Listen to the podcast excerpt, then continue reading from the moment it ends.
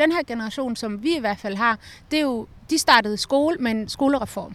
Og så kom de i gymnasiet, og så var det gymnasiereform. Så kom de altså på universitetet, og der var endnu en reform. Så der har jo hele tiden været reformer, som de har kunne kæmpe for, eller et eller andet. Så når de endelig kommer ud på den anden side, så at sige, og får sig et voksenjob, eller på en eller anden måde kommer ind i arbejdslivet, så er der jo også en eller anden forventning om, at, at her skal de også tilpasse sig en eller anden måde, som de har bekæmpet hele deres liv. Øh, og de har altså set, at, at vi ikke er familier på en arbejdsplads. Folk bliver fyret. De har nogle forældre, der også har gennemgået 2008-crashet, og, og nu er der en inflation og det hele. Så altså, sådan, der er ikke noget, der er sikkert for dem. Så det at, at kræve sig selv unapologetically. Altså sådan, det, de, det er det, de har. Så når de kommer ind på arbejdspladsen, så er der ingen grund til, at de skal lave sig selv om, eller kræve, øh, eller tige stille, eller et eller andet, fordi de ved godt, at, at det hele er usikkert, og de kan godt blive fyret, fordi der er også, sådan nogle ting, der sker ude i verden. Så når man kommer ind på en arbejdsplads, så er det en kæmpe warning, når nogen siger, at vi er en familie her, for det er vi ikke.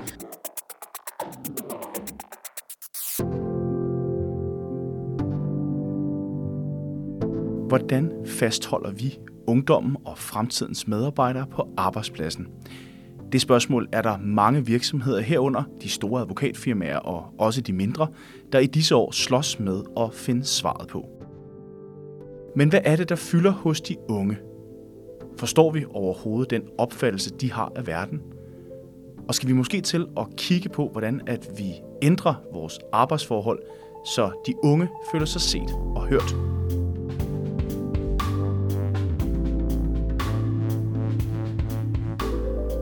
De spørgsmål prøver vi at finde svar på i dagens udgave af Magtens Tredeling. Her er vi taget til Folkemødet på Bornholm, hvor vi skal snakke med to interessenter, der skal gøre os lidt klogere på, hvad det egentlig er, de unge efterspørger ved fremtidens arbejdsplads. Hvad er det overhovedet, de unge vil have, og hvilke skridt skal virksomhederne og arbejdsgiverne tage, hvis de vil fastholde de unge medarbejdere?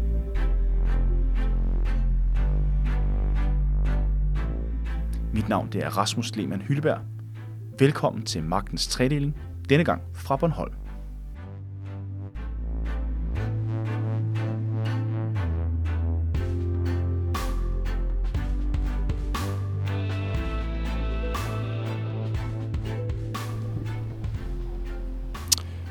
Velkommen til jer, Rasmus Tingholm. Du er formand for Tysk Advokat. Og Naima øh, Yasin, du er øh, hvad er det, sekretariatschef, sekretariatsleder hos øh, hvad hedder det, den partineutrale ungdomsorganisation SAGA. Yes.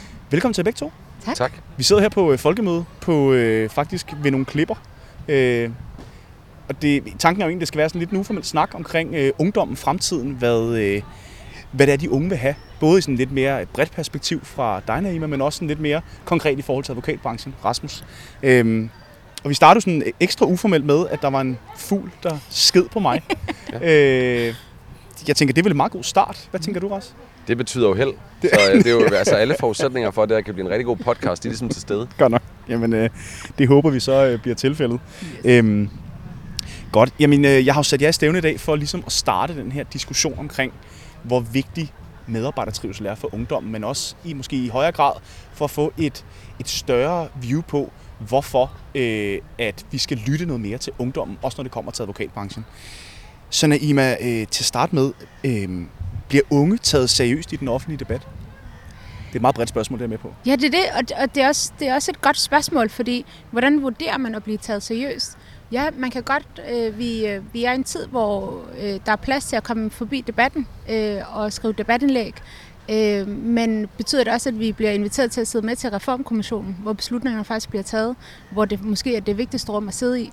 Øh, så man kan jo godt være sådan lidt øh, overfladisk at sige, ja, alle unge er i medierne og i øh, sociale medier og jada, jada, jada. Men når beslutningerne bliver truffet, når indflydelsen virkelig gælder, hvem sidder så med rundt om bordet? Og så, der er ungdommen ikke. Så man kan sige, det er fint nok, at I er på TikTok og de sociale medier, men når vi snakker hvad hedder det, de medier, der faktisk er med til at sætte en dagsorden, hvis man, hvis man kan lave den skillelinje, der mangler I.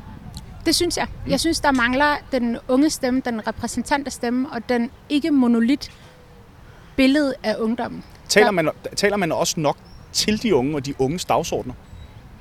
Øhm, Ja, men ud fra et voksenperspektiv. Lige nu bliver der meget gået til øh, uddannelserne, fordi der mangler noget, der mangler nogle hænder i fremtiden. Så det er også ud fra et, et voksenperspektiv, hvor at alle dem, der bestemmer, de har selv kunne vælge, hvor de gik i gymnasiet, hvad for et gymnasie de tog, hvor mange sabbatår de tog, hvor lang tid de tog dem at tage en uddannelse. Og så har vi en ungdom nu, der bliver stresset fra 6. klasse om at husk nu at øh, tage en erhvervsuddannelse, og dem, dem gør vi... Øh, altså sådan, jeg havde en ung medlem på 16, der sagde, at hvorfor skal jeg vælge, øh, hvorfor kan de ikke gøre erhvervsuddannelserne bedre, i stedet for at forringe øh, øh, gymnasieuddannelserne. Og det synes jeg faktisk er et rigtig godt billede på det. Mm. Øh, fordi vi gerne vil have dem hen et andet sted, så gør vi dem lige dårlige, i stedet for at sætte det op på et perspektiv, der hedder, lad os gøre alt lige godt, fordi så er der øh, alle muligheder. Og være 16 år skulle bestemme, hvad man skal resten af sit liv, ud fra nogle mennesker, der egentlig tog det valg for den. Det synes jeg er et meget godt billede på, at det at være ung er en agens i sig selv og har en, har en saglighed i sig selv. Og Rasmus, øh, over til, øh, til, hvad skal man sige, dit ressort, advokatbranchen øh, og den juridiske verden. Øh, hvis vi kigger på de unge her, har der jo været i lang tid et ekstremt stort fokus på, hvad gør advokatbranchen, hvad gør jurastanden for på en eller anden måde at holde på, på ungdommen? Øh, bliver de unge taget seriøst i debatten om for eksempel arbejdsforhold i advokatbranchen? Åh, oh, det er et godt spørgsmål. Og jeg tror, det, øh, jeg, jeg tror, svaret er ikke, svaret er ikke så enkelt. Men, men jeg tror, udfordringen er, at øh, lidt ligesom Naima sagde lige før, det der med, øh, det kan godt være, at øh, man får en stemme. Det kan godt være, at der også bliver lyttet til det. Men, men derfra og så til, at man ligesom bliver en del, altså man ligesom bliver involveret i de beslutninger, øh, der, tror jeg, der tror jeg også i advokatbranchen, at vi, at vi er et stykke derfra. Øhm, jeg var til en paneldebat øh, for et halvt års tid siden øh, med, med to meget, meget dygtige kvindelige partnere fra, fra to forskellige kontorer, hvor vi talte lidt om det her med, med work-life balance og forskellige andre ting. Øhm, og hvor vi til sidst ligesom blev, øh, blev bedt om at komme med et godt råd. Og der sagde jeg til, til, til, de, øh, til de advokater og advokatfuldmægtige, der sad der, det var det der med at tale med hinanden. Og sørge for ligesom at støtte op om hinanden og, og dele med hinanden. Og prøv, altså, have modet til ligesom at, at, at turde blande jer Øh, ikke nødvendigvis sådan at stille krav sådan meget fagforeningsagtigt. Det var, ikke, det var ikke på den måde. Det var mere den der med, prøv, prøv at have mod til at søge indflydelsen, og så prøv at se, hvordan det bliver responderet på det. For jeg tror også nogle gange, vi som ansatte advokater skal være bedre til ligesom at, at, at stille os til rådighed og sige, øh, vi har også nogle perspektiver på det. Og det, det er jo der, hvor jeg synes, det bliver lidt svært det her i advokatbranchen med, at lige nu prøver man at finde nogle øh, modeller, nogle ordninger, som passer ind. Men jeg kan blive lidt i tvivl om, hvor meget man egentlig involverer de ansatte i det. Og det er jo sådan lidt øh, pseudoagtigt at, at prøve at finde nogle løsninger, der kan passe ind, hvis man ikke involverer dem, der det hele drejer sig om. Mm. Så, så jeg håber ligesom på, at vi, og så kan vi kalde det de unge, eller vi kan kalde det medarbejdere, vi kan kalde det alt muligt, men den der dialog, den tror jeg er rigtig, rigtig vigtig, og det er jo tilbage til sådan en helt generel ledelsesdagsorden om at involvere dem, som det hele drejer sig om. Ikke? En, hvad skal man sige, en vis progression i det der med, at man, så man er fuldmægtig, så er man advokat, så er man øh, associeret partner, juniorpartner, så bliver man partner, så kommer man måske en del af ejerkredsen, så bliver man måske MP eller en del af bestyrelsen. Øhm, hvor passer de unge ind i det økosystem? Altså udover at de selvfølgelig også skal igennem uddannelsen, men altså involverer man de unge nok i de poster, der ligger sådan længst op i hierarkiet? Øh, igen tror jeg også, det afhænger meget af det enkelte kontor og størrelsen, og hvordan man ligesom, hvad det er for nogle værdier, man baserer sig selv på. Men, men for sådan at svare helt overordnet, min, mit sådan billede på det, så er svaret, nej, det gør man ikke. Mm. Altså det bliver jo meget, øh, altså som jeg sagde før, det der med, at når der er nogle, når der er nogle, nogle store beslutninger, der skal træffes, som er rettet mod medarbejderen, så bliver det meget den der, synes jeg i hvert fald også, når man læser i pressen, den der med, om så er det bestyrelsen, der har besluttet et eller andet, og og det er jo fair nok, at beslutninger skal tages der, hvor, at, øh, hvor at indflydelsen er og de der ting. Og, og det, det her med medarbejderrepræsentation i, øh, i bestyrelse af advokatbranchen er jo ikke kommet endnu, men det synes jeg er et interessant perspektiv. Øh, men jeg synes bare, altså, jeg savner også bare, at man gør sig lidt umage en gang imellem at prøve at involvere medarbejderne og sige, øh, nu kan vi se i fremtidens jurist, at, øh, at, at så også mange peger på det her med, at vi skal have mere fleksibilitet. Hvad betyder fleksibilitet for jer? Nedsæt en medarbejdergruppe lidt på tværs af skæld, køn, øh, alt, så man får, en, får sammensat en gruppe, som er så øh, divers, som den kan være, og sige, hvad er det, I er optaget af? Hvad er det, I mangler? Hvad er det, vi gør godt? Hvad kan vi gøre bedre? Det, det, hvis vi bare starter med dialogen, så kan det være, at indflydelsen kommer bagefter. Mm. Men, men jeg synes måske nogle steder, der, der mangler dialogen også lidt. Mm. men hvad tænker du om det, Rasmus han ja. fortæller her? Jamen, jeg, jeg tror også, det handler meget om det der med at føle, at man har lov til at have en mening. Specielt måske i jeres verden, der er så hier, hierarkisk båret.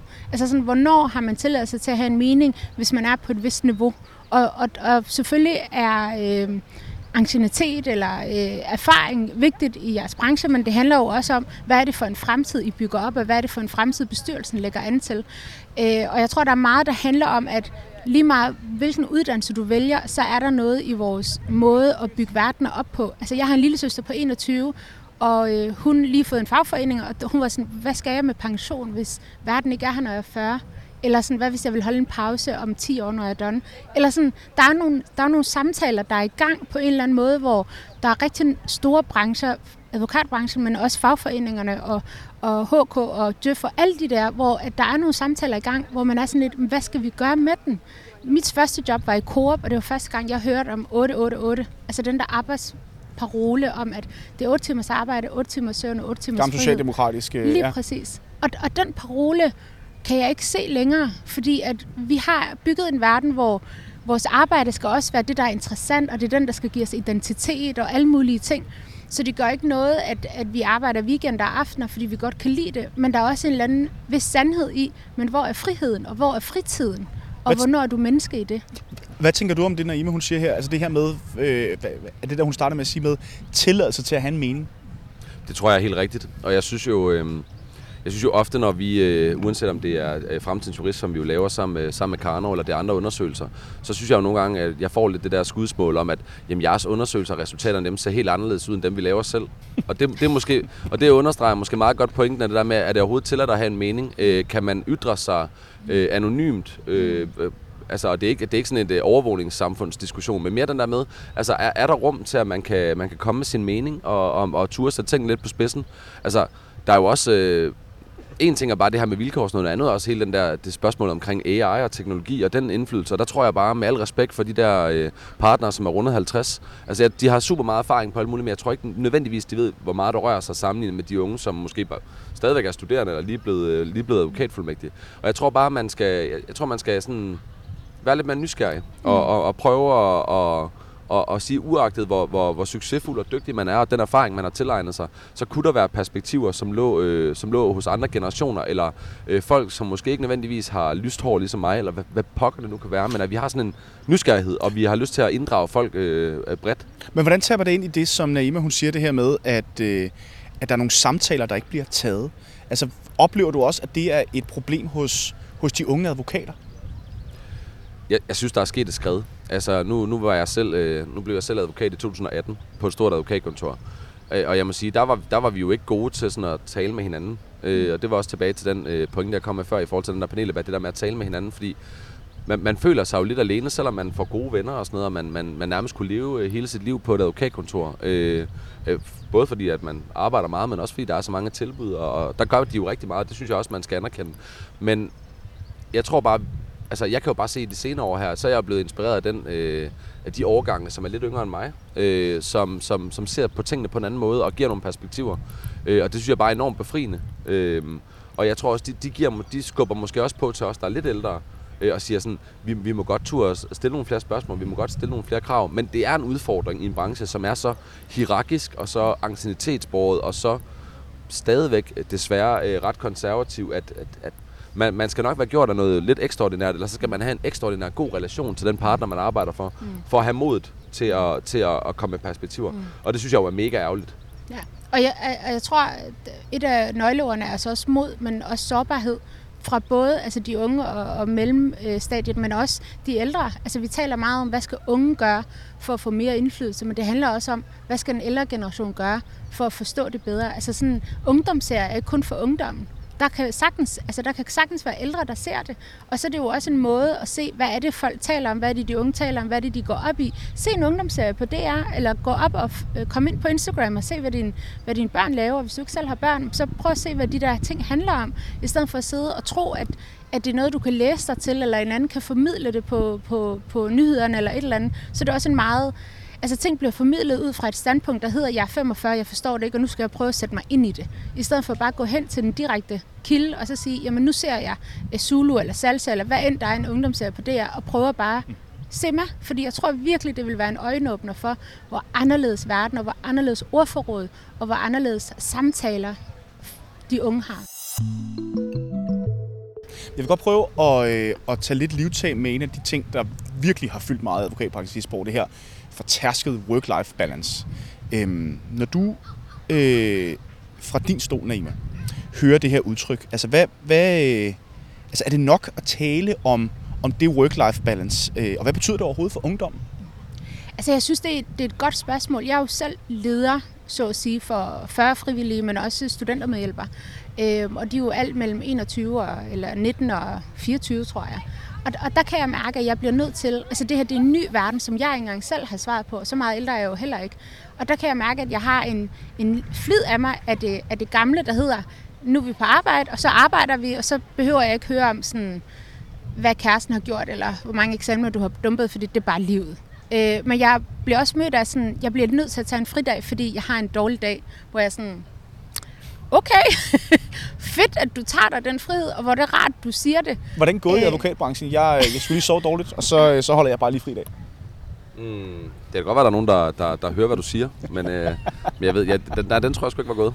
Det, det, der tror jeg ikke, vi er nået til endnu. Og det, og det er måske også, altså, og det er jo også, det synes jeg også er en interessant diskussion, øh, hele den der... Øh, jeg behøver ikke komme derhen. Nej, det tror jeg ikke nødvendigvis. Og jeg, jeg tror også, altså, jeg synes jo, det er forfriskende, at... Øh, nu sidder jeg her og taler om ungdom, jeg er 33, jeg synes stadigvæk, jeg er rimelig ung, jeg er i øvrigt også medlem af SAGA, men, men jeg tror bare, at den der, øh, den der øh, umiddelbarhed, der er, mm. og den der sådan øh, ligefremhed, og den der, øh, jeg er den, jeg er, øh, tag mig for det. Det er klart, at øh, selvfølgelig skal vi, selvfølgelig skal vi lytte til, til, til, til de overgange, der kommer ind nu, fordi det er dem, der ligesom kommer til at være trendsættende for, hvordan vi skal indrette os. Men, men selvfølgelig skal de også lære nogle ting. Ja, fordi nu, altså det er mit næste spørgsmål, fordi øh, der er vel også noget, Naima, i det der med at lære at gå på arbejde og indordne sig nogle rammer, og der er nogle strukturer, der jo ligesom bare er definerende for det arbejde, man laver. Så har, um, har ungdommen ikke også et ansvar i forhold til at og hvad skal man sige, ikke bare sætte sig over hjørnet og øh, brokke sig over tingens tilstand, men også ligesom indgå på samme vilkår som alle andre? Jeg, jeg ved ikke, om det er samme vilkår som alle andre, fordi de har altså nogle andre vilkår, de lever under. Men der er helt sikkert noget om, at vi har en fælles opgave i, det er min opgave at give dem en god oplevelse til at komme ind på arbejdslivet. Jeg vil ikke give dem nogle dårlige vaner og give dem nogle svære forventninger til, som de så bare tager med sig videre. Men det er også min opgave at sætte nogle grænser og sige, jeg har nogle forventninger, du hyrer til de her x antal timer, og der er de her opgaver, der skal løses. Men om du løser det på søndag, hvor du har det godt, eller om du løser dem i dag, det er egentlig lige meget. Øh, og jeg tror, for mig er det vigtigt at vise den tillid til også, at de viser mig tillid til at sige, når der sker noget, og så, så siger de fra eller til. Hvad tænker du om det, Rasmus? Fordi jeg tænker, det må vel være en af sådan, de helt store ømme i advokatbranchen. Øh, det her med, tillid til, at øh, medarbejderne vel godt kan øh, passe deres opgaver, øh, når det passer dem? Jo, jo helt sikkert, men, men, lige for at starte et andet sted, for jeg synes, det som, som Naima talte om lige før, det, det fik mig bare til at tænke over det der med. Det er jo, det er jo lidt paradoxalt på en eller anden måde, at dem som, øh, dem, som ligesom er, øh, er indehaver i advokatbranchen, og, og dermed dem, der ligesom træffer beslutningerne, det er jo, det er jo sådan, som udgangspunkt, hvis vi skærer over en kamp, øh, nogen, der er lidt på, på, på mine forældres alder, eller måske lidt yngre. Og det er jo sjovt, dem der så kommer ind på arbejdsmarkedet nu, det er jo deres børn. Mm. Og de, derhjemme har de involveret dem i alting. Altså, hvad skal vi have at spise i morgen? Hvor skal vi hen på ferie? Hvad kunne du godt tænke dig? Alt muligt, ikke? Og så, og så, når, man så når det så ikke er ens egen børn, man har dialog med, men det er så nogen, der lige så godt kunne være ens børn på, på arbejdspladsen, så er det lige pludselig et helt andet ballgame. Så er det, hold din kæft, sæt dig ned og lav, din, lav dine sager. Det synes jeg jo på en eller anden måde er lidt paradoxalt, og det håber jeg, at der er nogen, der vil tænke over en gang imellem bare, og det var, det var også derfor, jeg havde behov for at sige det. Men for at vende tilbage til dit spørgsmål, så er det mere det der med, øh, man skal huske på, at, at som og det er jo, jeg kunne sige alt muligt som, som, som formand for en fagforening og sådan noget, men, men det vi jo skal huske på, præmissen er jo, at vi, vi løser sager for andre mennesker, som betaler for, at vi står til rådighed. Og, og det, er jo, det er jo en præmis, som er, som er altafgørende. Altså, vi kan jo ikke, vi kan jo ikke sige til, til klienter, der har et problem, der skal løses nu her, vi kommer tilbage om tre uger. Det kan man ikke. Mm. Eller om to uger, eller om en uge. Der er, nogle, der er nogle strukturer, der er helt generelt, hvor vi skal være til rådighed, når der er behov for det. Men det er jo ikke ens betydende med, at alt haster. Øhm, så, så, så der er jo noget i det der med at sige, jamen, hvordan kan vi indrette os på en måde, hvor folk oplever en eller anden grad af frihed og medbestemmelse på, hvornår de lægger deres indsats, øh, og at klienterne føler, at de stadigvæk bliver, får den attention og, og, og får løst de sager, de skal. Mm. Jeg synes jo, det mest sådan sigende for det, du spørger om, Rasmus, det var, det var Fremtidens Jurist sidste år, hvor, at, hvor det var meget tydeligt, sådan en af hovedkonklusionerne, selvom det måske ikke stod skrevet, det var, at fleksibilitet kommer i mange former. Mm. Og, og den, den form for fleksibilitet, flest efterspurgte, i hvert fald i forhold til undersøgelsen, det var det der med, at, jeg kunne, at man kunne lægge sit arbejde, når det gav mening. Altså det der med, at man selv mm. ligesom kunne tilrettelægge Øh, og, og det er jo svært, hvis der, er, hvis der er korte frister, men det er måske også bare en opfordring til, til partnerne om det der med at, at spørge klienterne, hvornår skal du bruge det? Mm. Og have den der dialog, og så sige, vi har sådan nogle mennesker her, som, som, som arbejder meget og står meget til rådighed mm. og sådan noget, og som, hvis de skal levere det bedste produkt også, mm. jamen, jamen, så skal der også være, altså så skal vi også have en snak om, hvornår skal det så leveres? Men lad os lige prøve at tage fat i den fremtidens jurist der, øh, for Naima, øh, tallene fra den her undersøgelse, den øh, viser jo, at 53 procent af de adspurgte fra 23 til 29 år, de sagde, at de ville foretrække, at deres ledere så dem som mennesker. Det er altså øh, øh, folk fra advokatbranchen. Hvad tænker du, når du hører de her tal? Altså jeg synes jo, for det første så tror jeg, at den generation, som, som jeg beskæftiger mig med, øh, har et liv, hvor de har nogle rettigheder, som de har bare har fået. Og det ved jeg ikke, om det giver mening. Der er mange rettigheder, jeg har kæmpet for at skulle få, så på en eller anden måde lever jeg sådan lidt et ambivalent liv, hvor jeg også skal være taknemmelig. Men så har jeg en, en anden generation, der egentlig ikke er taknemmelig, som er fucking ligeglade og siger, jamen jeg har ret til det her. Og det er der ikke nogen, der kan tage fra mig. og, og den, den, den øhm, vågemod bliver jeg egentlig også inspireret af at være sådan, vi har jo, altså nu er det jo helt tilbage, vi har jo en grundlov, som gør, at alle har rettigheder. Og nogle gange tror jeg, at i vores iver efter at passe ind og gøre et godt stykke arbejde, eller få et arbejde, eller have en stilling, eller et eller andet bidrag til samfundet, så tror jeg, at vi er mange, der går og kæmper for mange ting, som vi egentlig allerede har, og som vi men glemmer betyder, nogle gange. Men betyder det, at ungdommen er for forkælet, for forvent? Nej, jeg tror faktisk, at de lever det liv, vi alle sammen har kæmpet for. Øh, og som vi alle sammen har svedt for og arbejdet hårdt for, og specielt den ældre generation. Hvad tænker du om det, Rasmus?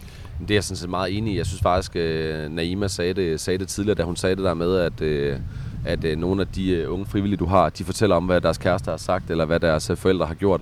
Jeg, jeg, jeg tror, der er en generation tilbage til det, min pointe før omkring ledelse. Det der med, at, at jeg, jeg tror, der har, været en, øh, der har været en forældregeneration, som har været gode til at spørge deres børn om, hvordan de har haft det, og ligesom vil gerne øh, understøtte dem bedst muligt, for at give dem de bedst mulige forudsætninger. Så, så de har været vant til at blive mødt af en eller anden grad af åbenhed, og der bliver lyttet til dem. Og, og, og det, jeg tror, det, det, er jo, det tager de jo med sig ind i arbejdslivet. Øhm, jeg, så nogle, øh, jeg så nogle citater fra en undersøgelse, som vi desværre ikke har lavet, men, men hvor det var det der med, hvad, hvad, hvad siger de, de unge talenter i sådan nogle high-performance-miljøer?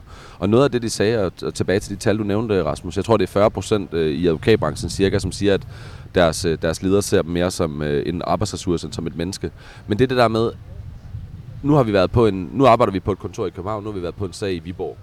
Øh, det, det tager 3,5 timer at køre til Viborg. Øh, og, og hele turen hjem, der spurgte min chef mig overhovedet ikke, hvad jeg skulle i weekenden, eller noget som helst. Der var ingen, sådan, der var ingen grad af interesse eller sådan nysgerrighed på, hvem de er. Jeg tror, jeg tror det er egentlig et meget godt billede på den der oplevelse, folk har. At de vil gerne de vil gerne løse de der sager, de vil gerne blive super dygtige, de vil gerne stå til rådighed, men de vil også gerne se som de individer, de er. Og jeg tror, det, det, det, det, og det, det er super svært at, at fagne, og det var også lidt det, du sagde, mm. øh, Naima, det der med, at altså, der, der er lige pludselig mange samtaler, man skal have, mm. men det er bare helt nødvendigt, fordi det er den forventning, der er. Mm.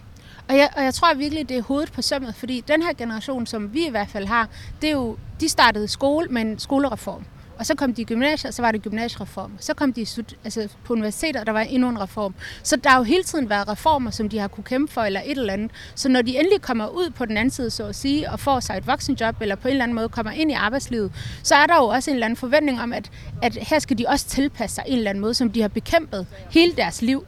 Øh, og de har altså set, at, at vi er ikke familier på en arbejdsplads. Folk bliver fyret. De har nogle forældre, der også har gennemgået 2008-crashet, og, og nu er der en inflation og det hele. Så altså, sådan, der er ikke noget, der er sikkert for dem. Så det at, at kræve sig selv unapologetically. Altså sådan, det, de, det er det, de har. Så når de kommer ind på arbejdspladsen, så er der en grund til, at de skal lave sig selv om, eller kræve, øh, eller tige stille, eller et eller andet, fordi de ved godt, at, at det hele er usikkert, og de kan godt blive fyret, fordi der er også, sådan nogle ting, der sker ude i verden. Så når man kommer ind på en arbejdsplads, så er det en kæmpe warning, når nogen siger, at vi er en familie her, for det er vi ikke. Men der må også være en kæmpe udfordring for arbejdsgiverne her, hvis vi også lige skal tage deres perspektiv, fordi det virker også som om, at det er en helt anden måde at både rekruttere på, men også at ansætte på og drive medarbejdertrivsel på arbejdspladsen. Så altså, kan man ikke godt forstå, hvis det nogle gange også er lidt svært for arbejdsgiverne at, hvad hedder det, at være i det her? Jo, helt sikkert. Det er jo ikke nemt, men, men jeg synes bare, altså jeg synes nu, har, nu har vi snakket om de senere år her, det her med, at, at, at i hvert fald for, for vores branche, ikke? altså Lundundersøgelserne viser, at folk får forholdsvis høje lønninger allerede, når de kommer ind, men det er jo også fordi, der ligger en stor indsats i det. Men, men jeg synes, der er noget, altså det er jo tydeligt, når man ser de her øh, unders, undersøgelser af de nye årgange, der kommer ind på arbejdsmarkedet, at de har brug for noget mere. Altså det kan godt være, at de, de er vokset op med ting, hvor de skal tilpasse sig og sådan noget, men de har også, altså de jagter jo også et større formål. Mm. Og, og derfor bliver jeg også sådan lidt, øh, jeg bliver lidt indineret nogle gange, når jeg... Øh, øh, når jeg sådan læser visse branchemedier, som, øh, som sådan fokuserer meget på det der, hvem når først til en milliard i omsætning. Mm. Altså det er sgu da det mest ligegyldige. Det har da ikke en skid med hverken purpose eller noget som helst andet at gøre. Ja, for hvad betyder det for medarbejderne, at man det har den jagt? Skid. Det, det, selvfølgelig kan der være, altså jeg, jeg har da også været et sted i mit liv, hvor jeg synes, det var fedt at være på de største transaktioner. Men, men nu tænker jeg, når virksomhederne, altså hvis det er ligesom, at, det, altså at den fortælling, at det handler om at nå først til milliarden, der er vel nogle medarbejdere, der skal drive den milliard. Men selvfølgelig er det det, og det er jo, det er jo, det er jo især når man har en, øh, en forretningsmodel, som handler om debiterbare timer, mm. og folk de ligesom øh, stiller sig til rådighed. Men, men det er jo også, hvor er det, den der samtale starter? Altså jeg undrer mig over, at der er nogen, der gider overhovedet stille op og kommentere på det der med den der milliard. øh, fordi det er sådan lidt, altså, and so what? Mm. Altså, det er, det, er jo, det, er jo ikke, det, er jo ikke, det er jo ikke et purpose for nogen. Øh, måske nogle få, og det synes jeg også sådan set er fair nok. Hvis, altså, jeg skal ikke gøre mig til dommer over, hvad der, hvad, der, hvad der skal drive den enkelte. Jeg synes bare godt, vi kunne, vi kunne, vi kunne snakke lidt mere om, hvad er det for en, hvad er, det, hvad er det for nogle værdier, vi har i vores advokatvirksomhed? Hvad er det, der driver os? Hvad er det, der gør os forskellige øh, fra de andre? Fordi jeg synes, når jeg taler med advokatkontorerne, og, og nu bliver det meget hårdt, og, og, og, og det kan også være, at det er mere nuanceret, men så, så de fortæller mig jo alle sammen, hvor unikke de er, men de skriver jo det samme på deres hjemmeside mm. alle sammen, og de skriver det samme i deres jobopslag og alt muligt andet. Så kan det godt være, at de har et forskelligt purpose og sådan noget, men i bund og grund siger de jo det samme. Og når så, når så uh, visse branchemedier, ligesom når årsregnskaberne kommer, hvor man jo også kunne have rapporteret på ISG, som jeg skrev om den anden dag, jamen altså, hvad er det så for en mening? Hvad er det for en mening, man skal give medarbejderne? De læser jo også, øh, de, læser jo også de branchemedier. Men så lad os lige tage fat på det ESG, fordi altså, jeg tænker, det må vel også være noget af det, øh, og nu er det en påstand, men jeg tænker, det må vel være noget af det, som for alvor også øh, rykker hos ungdom. Mm. Jamen, jeg, altså, jeg tror, at trivsel er virkelig et, et godt ord, fordi hvad betyder det? Og, men så lad os lige og kan man lave et mål for, hvad god trivsel er? Men så lad os lige tage fat i trivsel, fordi når man snakker ESG, så når jeg kigger på de her årsregnskaber fra de store advokathuse, store virksomheder, mm. så har man jo rigtig meget fokus på øh, hvad hedder det, CO2-minimering og affaldssortering og øh, hvad hedder det, alle de her sådan mere miljø- og klimamæssige tiltag, mm. hvilket jo også er rigtig godt. Mm. Men hvor meget synes du, Naima, at sådan den her sociale del af ESG fylder, når vi snakker afrapportering? Altså jeg synes faktisk, det er et godt eksempel. Vi har nogle øh, medlemmer, der alle sammen arbejder i store virksomheder, blandt andet i advokatbranchen og i øh, konsulentbranchen. Og de har prøvet sådan at skrive en pitch sammen om, de synes for eksempel, at hele det her fokus på diversitet ja. øh, er godt, men der mangler den usynlige diversitet. Altså diagnoserne. Der er rigtig mange, der går rundt med en ADHD-diagnose eller et eller andet, som de faktisk har holdt skjult på en eller anden måde, siden de blev ansat, fordi de er bange for, at de bliver behandlet anderledes. Og det er jo fordi, at der går historier, eller man har venner eller bekendtskaber, hvor chefen har be- behandlet dem anderledes. Og, og det er jo og det er, jo, det er jo svært for dem både at skulle... Jeg plejer at sige, det er svært for dem, der både kæmper og der også skal tage kampen op. Er det også den kollega med ADHD, der skal prøve at undervise sin chef i, hvordan har du medlemmer, medarbejdere, der har ADHD. Og det er faktisk min superpower. Det gør mig ikke til et sværere menneske eller et eller andet. Og de der samtaler er vildt svære at have, fordi der er ikke et der er ikke ordforråd for det, der er ikke et sprog for at tale om det. Så hvordan taler du om noget, eller hvordan måler du noget, som vi ikke engang kan tale om? Hvordan sætter man sig selv derhen, hvor vi også ser ældre mennesker, der faktisk også får en diagnose alt for sent, fordi at de aldrig har tænkt over, at det måske var en diagnose. Så der er jo meget i den mentale trivsel og mentale sundhed, som ikke er målbare, fordi vi ikke engang taler om det. Hvad tænker du om det, Rasmus? Fordi det må vel også være lidt en, altså et blind spot? Jamen, det er, helt, det er jo helt sikkert, man kan jo ikke måle noget, før man ved, hvad det er, man måler efter. Nej. Øhm, vi øh, i Djøf, øh, det ved jeg ikke engang, om jeg må sige, nu siger jeg det alligevel, øh, der sidder vi jo lige nu og arbejder og er ved at færdiggøre en øh, diversitets- og inklusionspolitik. Øh, både som, som sådan taber ind i Djøf som sekretariat, men også sådan, hvad skal vi mene som fagforening. Og jeg er faktisk rigtig glad for det, du siger der, Naima, fordi noget af det, vi faktisk har talt rigtig meget om, det er netop øh, hele det sådan, øh, neuro, øh, neuroområdet, altså det, hvor, at, hvor at man, man har øh, den ene eller anden øh, diagnose, som, som, som du selv siger, som man ikke kan se. Og det er jo også super vigtigt, fordi det, vi taler rigtig meget om, det er jo, sådan, øh, det er jo køn og etnicitet og seksualitet, som jo er sindssygt vigtige også. Men der er også bare nogle andre spots, som, som, som bliver lidt overset, fordi at man starter måske med, med, med de kampe, som er, som er nemmest at se, og som er... Øh, skal jeg passe på, hvad jeg siger, men størst. Mm. Altså sådan, hvor, hvor der er sådan et helt naturligt, hvor man sådan Øh, øh, måske ikke nødvendigvis kan se det, men, men hvor, hvor der ligesom er en, en, en eller anden grad af minoritet, som, som sådan er rimelig tydeligt mm. definerbar, hvor man, når, når vi taler om, øh, når vi taler om øh, diagnoser og alt muligt, det, det kan man jo ikke nødvendigvis se, som du nævnte før. Mm. Så det synes jeg er rigtig vigtigt. Men, men i forhold til det der, du, du spurgte om med, med sådan hele ESG-dagsordenen, så synes jeg jo, det er sådan, og det er jo også noget af det, vi, vi sætter fokus på, det er jo det der med, jamen, vi, i advokatbranchen er, er vi gode til at tale om, hvor, hvor fremme vi er, og hvor, hvor at vi, vi rådgiver de, de, de største virksomheder. Og de er altså allerede i gang med frivilligt at afrapportere på ting. Øh, jeg, var til et, øh, jeg var til et arrangement med Jakob Aarup, som er, øh, som er øh, CEO i ISS, bliver CEO i Carlsberg her 1. august, hvor han siger, jamen, der er fem trends, som ligesom definerer øh, den moderne arbejdsplads, og, og, og de trends og tendenser ligger rundt om det. Og der siger han bæredygtighed. Men vi har, vi, altså, vi har forstået præmissen om E'et i ESG, altså mm. environmental, altså klima og miljø.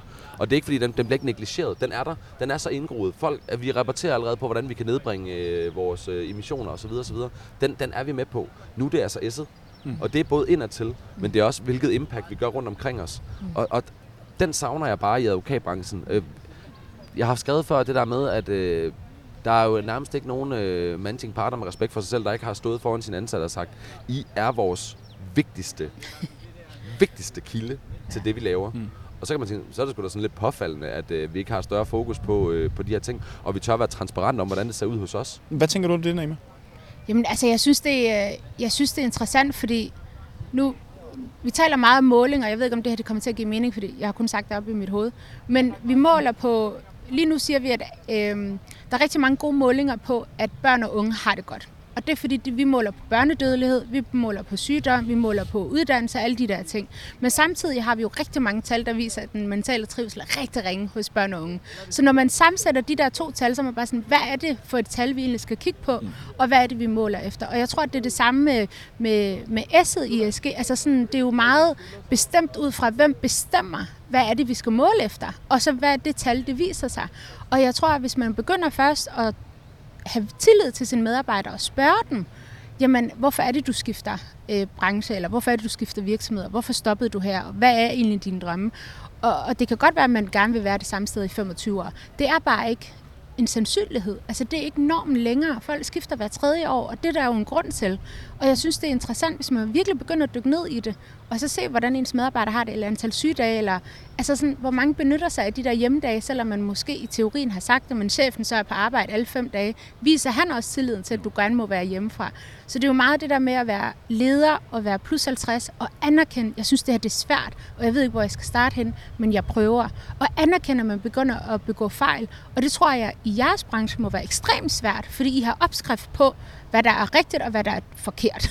du sidder og smiler ikke anerkender, Rasmus. Ja, jo, jo og, og, og, det fik mig også lige til at tænke på en anden point. Jeg skal nok vende tilbage til det, Naima sagde før, men det er jo det der med, tilbage til det, jeg siger med, at alle føler, at de er så unikke som advokatkontor. De skriver det samme, men der, hvor man virkelig kunne skille sig ud, det var sådan at, at og nu siger jeg sådan at udstille det beskidte undertøj, det behøver jo ikke nødvendigvis at være beskidt. Altså øh, S-data i ESG behøver jo ikke at være dårlige, men, men det, det skaber bare en anden grad af commitment, hvis man tør lægge nogle ting frem og sige, jamen hos os, der er vores medarbejdertilfredshed-indeks et eller andet. Det kunne vi godt tænke os at løfte. Det har vi tænkt os at gøre på den og den måde. Og det, har, kam, det, men det har kammeradvokaten jo faktisk lige de har lige udgivet en, en, hvad hedder det, øh, en diversitetshandlingsplan for, hvordan de vil komme i mål med mange af de her ting. Og det er så særligt på, på, hvad hedder det, på kønsdiversiteten frem mod 2025. Så lidt ros skal de vel også have. Helt vildt. Prøv, at men det, det kønsdiversitet, altså det er 50 procent af jordens befolkning. Det, ja, men det, de ah. har, men det, de har startet med at skrive, det, er, det er faktisk, altså, og det er faktisk lidt, øh, hvad hedder det, i forhold til det, vi snakker om før. De er startet et sted, og de er meget opmærksomme på, at de ikke kan tage alle kampe på én gang. Det er i hvert fald, hvad de skriver. Nå, og det, nu, Men, ja. nu, nu kender jeg hende, der, der, der står for rapporten, som er, som er en af mine, mine, mine rigtig, rigtig øh, gode kolleger, og også øh, blevet en af mine rigtig gode venner. Og de er meget bevidste om alle de andre ting. Men, men som Rasmus siger, det er jo også med at starte et sted, og det er jo det der med at have modet. Og, og, altså, advokatbranchen er på mange måder øh, ret konservativ, og det er helt tydeligt at se, at at, og igen tilbage til det med, hvad er det for nogle, hvad er det for nogle, nogle, nogle, nogle store udfordringer, der er på, på, på diversitetsspørgsmålet. Og der er det klart, øh, det ved jeg ikke, om du er klar over, Naima, men, men 14 procent øh, af partnerne, øh, sådan indehaverne på advokatkontoret, det er kvinder. Og så, så, kunne, så, kunne man, så kunne vi tage alle de andre diversitetsdagsordner, så ville tallene være endnu lavere. Men det er der, man starter, fordi den er sådan, altså, der er, altså, det er den helt åbenlyse, og jeg tror, det er den, der, der, der tror jeg, man, man, man, man øh, helt naturligt kan se, at der er en, en åbenbar skævvidning. Jeg tror, det åbner for, for, for spørgsmålet også om etnicitet og seksualitet og øh, hele neuro, øh, altså folk med diagnoser osv jeg synes virkelig, det er modigt, det kammeradvokaten har lagt frem, fordi de netop tør lidt, øh, undskyld mig mit øh, franske, men at sætte røven lidt i klaskehøjde. Mm. Nu siger de, nu har vi nogle ambitioner. Dem melder vi offentligt ud, for man kunne sagtens bare have lagt det på internettet og sagt, mm. det er det her, vi arbejder for. Mm. Øh, og så skulle det være kommet frem i offentlighedens lys, hvis der var en, en medarbejder, der har sagt, har I set det her? Hvad, tænk, hvad tænker du om den, Ima? At, øh, altså, at man øh, jo, jo, som kammeradvokaten skriver, starter sted? Altså, jeg, jeg, det er min egen lille kæphest. Jeg, jeg bliver... Jeg er ikke skuffet, og jeg er heller ikke vred, men jeg bliver sådan... Jeg giver lidt op. Det er ligesom, når nogen holder en Diversity Award, hvor jeg sådan lidt, hvad er der at måle på? Hvem er det egentlig, I giver en pris? Mm. Og hvor er barrieren hen? Altså, hvor er baren for at overhovedet lave et awardshow? Og, og jeg får ondt i maven, når nogen siger, at vi skal starte et sted. Hvor jeg sådan, "Mm, hvem sagde overhovedet, det skulle være nemt? Mm. Men hvis I starter med en lille hjørne af det her kæmpe rum, så kommer vi bare aldrig videre. Fordi så begynder I at finde data for, hvad der er meget binært mand og kvinde, og så glemmer man alle andre aspekter, der gør, hvor man tænker, hvem er ikke med i det her data, og hvorfor er de ikke med? Og ja, det gør det meget sværere, men i det mindste bliver arbejdet så meget bedre, fordi du faktisk ligger et fundament for, at vi tager alle de her parametre, der kan være, og så kan det være, at vi vokser på det, men vi lærer at se de her kvinder, som ikke bare er binært, men også øh, etnicitet og køn og øh, social klasse, som vi også glemmer nogle gange i det her land, det overhovedet findes. Mm. Og det hele hænger sammen. Man kan ikke pick and choose, og så sige, nu får vi det her, og så øh, får vi en masse priser, og folk kalder os modige. Men jeg er bare sådan, det er bare minimum for den branche, for den virksomhed, for den kapacitet, for den magtposition, de har, så, er jeg faktisk, så synes jeg faktisk, det er ærgerligt, at vi klapper for noget, der er så lille. Du markerer, Sorry. Rasmus. Ja, og jeg er fuldstændig enig i meget af det, du siger. Øh, men jeg synes faktisk, nu, nu, nu kender jeg også lidt til, til, den, øh, til den baghistorik, der ligger omkring den her diversitets- og, øh, og inklusionshandlingsplan, som, som der er blevet lagt frem. Og der har man faktisk, altså, det, er jo, det man jo også skal huske på, det kan jo godt være enormt sårbart at skrive noget, for også fordi det kan være så sensitivt, også hele den her snak om bias og sådan noget. Vi, kan, vi taler ud fra vores egen opfattelse, ikke? Og, og, og man kan sige noget, som, som, som, som rammer nogen på en måde, hvor det slet ikke var tilsigtet. Og det er jo derfor, det, også, det bliver også lidt, det, det, det bliver lidt følsomt at røre ved. Øh, men jeg ved lige præcis med den her handlingsplan, og det er altså ikke for at tage øh, Paul Schmidt eller nogen andre i forsvar, men det er, det er faktisk noget, man har spurgt i hele medarbejdergruppen om, hvor vi siger, tilbage til det, du siger, men, men det er her, vi starter. Men man har også spurgt, øh, man har også spurgt dem, som, som, som er brune, man har spurgt alle mulige andre, hvad tænker I, når I læser det her? Nu handler det lige om køn nu, øh, men, men hvad tænker I om det? Så der har man inddraget på tværs, og, ligesom, og, og hvad jeg forstår, og det, det har jeg ikke nogen grund til, at jeg tror, det er rigtigt, der synes folk, at den der inddragelse er super, super fed. Så er jeg med på, at der er mange andre ting, vi også skal løse. Og, og, og jeg synes ikke, man kan ikke prioritere, hvad der er vigtigst. Det er ikke det, det handler om. Men jeg synes bare modet til, at man tør have de der øh, øh super sådan ret igen tilbage til sårbarheden, som du talte om før. Den, den der, øh, man, man tør at sætte tingene på spil, og man tør at, at, at involvere, og man tør at sige, det kan være, at vi har skrevet noget her, som, som rammer dig, og hvis det gør, så må vi jo finde ud af, hvordan vi skal formulere det. Det kunne være sådan noget med, hvis man har skrevet, vi vil gerne løfte kvinder. Kvinder skal sgu da ikke løftes. Er det med en kran, eller hvad, hvad betyder det? altså det der, det der, det der, det der, det er der at få, det er der at åbne øjnene for en, øh, en, en, en, en talentgruppe, som man måske øh, på en eller anden måde har lidt overset nogle gange. Så, men det kan jo være nede på de små ting, hvor at det at løfte, det er, jo, det er jo ment positivt, men hvor det kan læses på en måde.